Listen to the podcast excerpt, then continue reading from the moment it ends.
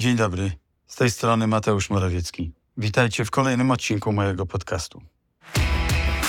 O tym, co ważne dla Polski i Polaków. Specjalny podcast premiera Mateusza Morawieckiego. Odruchowo chciałem zacząć podcast od słów. Za nami kolejny tydzień ważnych wydarzeń, co chcąc nie chcąc właśnie zrobiłem. W każdym razie uświadomiłem sobie, że ostatnie lata składają się właściwie z samych ważnych wydarzeń. Można powiedzieć, że w ciągu trzech ostatnich lat świat wywrócił się do góry nogami. Ale można też powiedzieć, że nastąpił reset i świat zaczął układać się na nowo.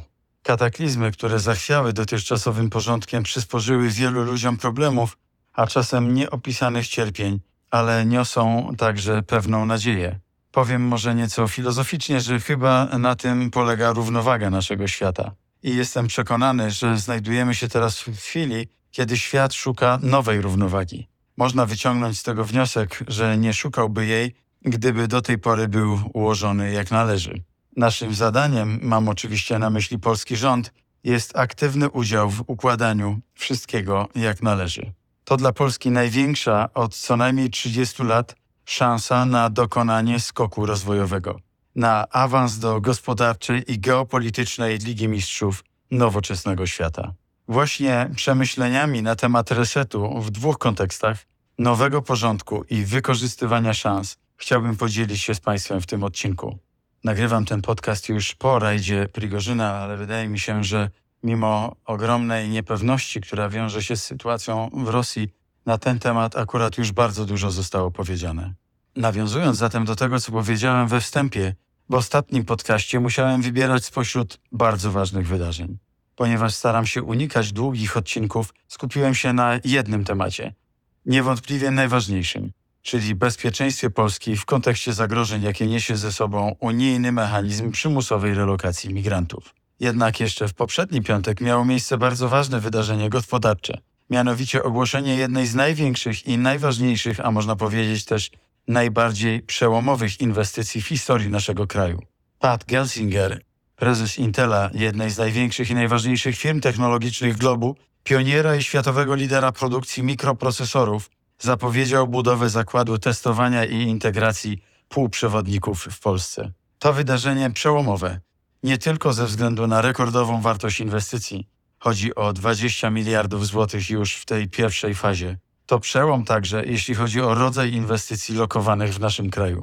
Polska stanie się tym samym jednym z ważnych ogniw łańcucha produkcji mikroprocesorów. Cegiełek, z których zbudowany jest współczesny świat. Kiedy słyszycie Państwo o niepokojach związanych z Tajwanem, niewielką wyspą w południowo-wschodniej Azji, to dlatego, że jest ona siedzibą największych dostawców mikroprocesorów na świecie. Mikrochipy, bo tak też są czasem nazywane półprzewodnikowe układy elektroniczne, są dziś wszędzie. Od tych najbardziej oczywistych przykładów jak komputery, przez smartfony, telewizory, samochody, samoloty, maszyny rolnicze, a nawet oczywiście pralki i lodówki.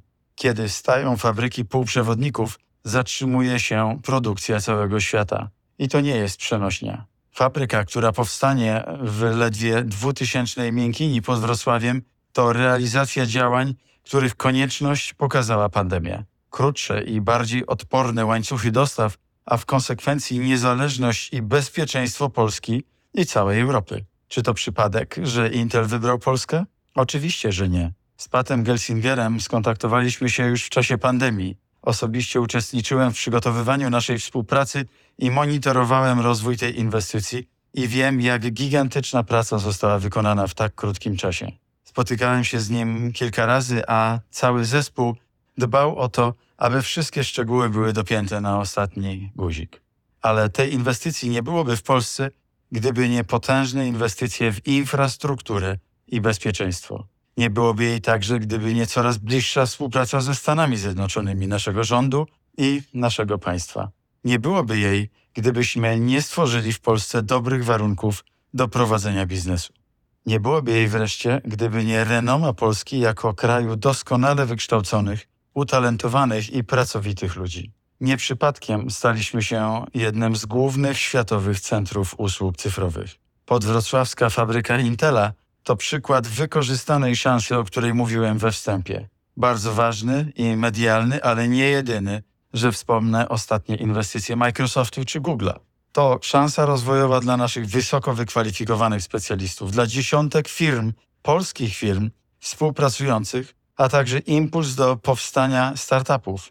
Steve Jobs i Steve Woźniak pracowali dla Atari, zanim stworzyli Apple'a. Pieniądz robi pieniądz, inwestycje mnożą inwestycje, know-how rozwija wiedzę. Tak to działa. Przy takich okazjach publicyści czy niektórzy politycy lubią wzorem prezydenta Wałęsy czy Tuska ogłaszać Polskę drugą Japonią albo drugą Irlandią. Teraz pora na Tajwan. Nie, nie będziemy drugim Tajwanem. Tak jak nie będziemy drugą Japonią czy Irlandią. Polska nigdy, przynajmniej w skali historii ludzkości, nie będzie wyspą, ani w sensie fizycznym, ani w sensie geopolityczno-gospodarczym. Naszą siłą jest położenie w sercu Europy. Wielkość kraju i populacji sprawiają, że nie musimy iść w specjalizację ani stosować podatkowego dumpingu, być rajem podatkowym, by szybko się rozwijać. Nie musimy, a nawet nie powinniśmy nikogo papugować. Czym innym jest czerpanie dobrych wzorców i adaptowanie sprawdzonych rozwiązań do naszych atutów. A tych nie brakuje, zwłaszcza dziś.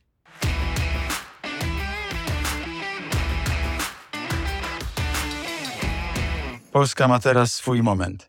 Swoje 15 minut, jak się czasem mówi. Historia postawiła nas przed epokowymi szansami. Ich umiejętne wykorzystanie pozwoli awansować Polsce do geopolitycznej pierwszej ligi. Ich zaprzepaszczenie może oznaczać degradację. Na pewno każdy zna powiedzenie używane chętnie przez komentatorów sportowych, szczególnie tych piłkarskich, że niewykorzystane sytuacje się mszczą. W polityce to bezwzględna zasada. Niestety Polska, jakkolwiek nieźle się rozwijała, to przez ćwierć wieku po odzyskaniu wolności straciła bardzo wiele szans. Z polskich szans korzystał głównie obcy kapitał.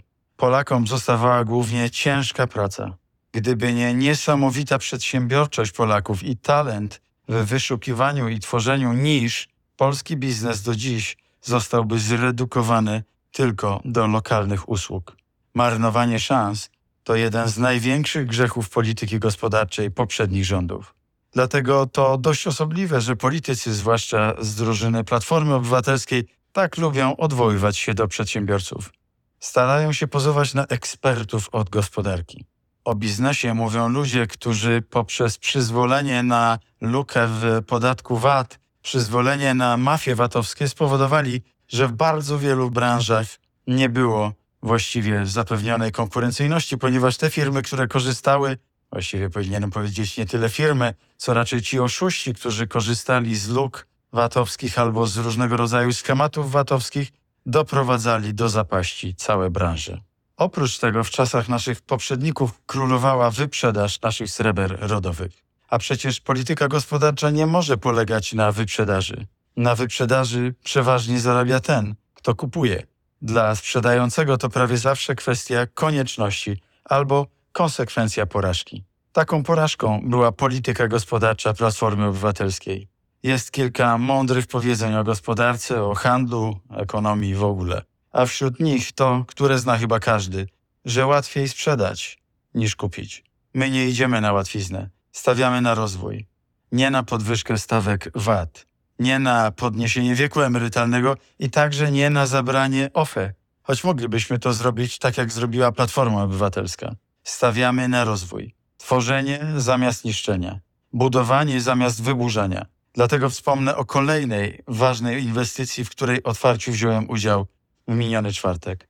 Mowa o polimerach Police, jednej z największych polskich inwestycji w historii trzeciej RP i pierwszej tego typu w Europie od 16 lat. Ona także odpowiada na konieczność przebudowy globalnej gospodarki, na skracanie łańcuchów dostaw i wykorzystanie szans, jakie się z tym wiążą.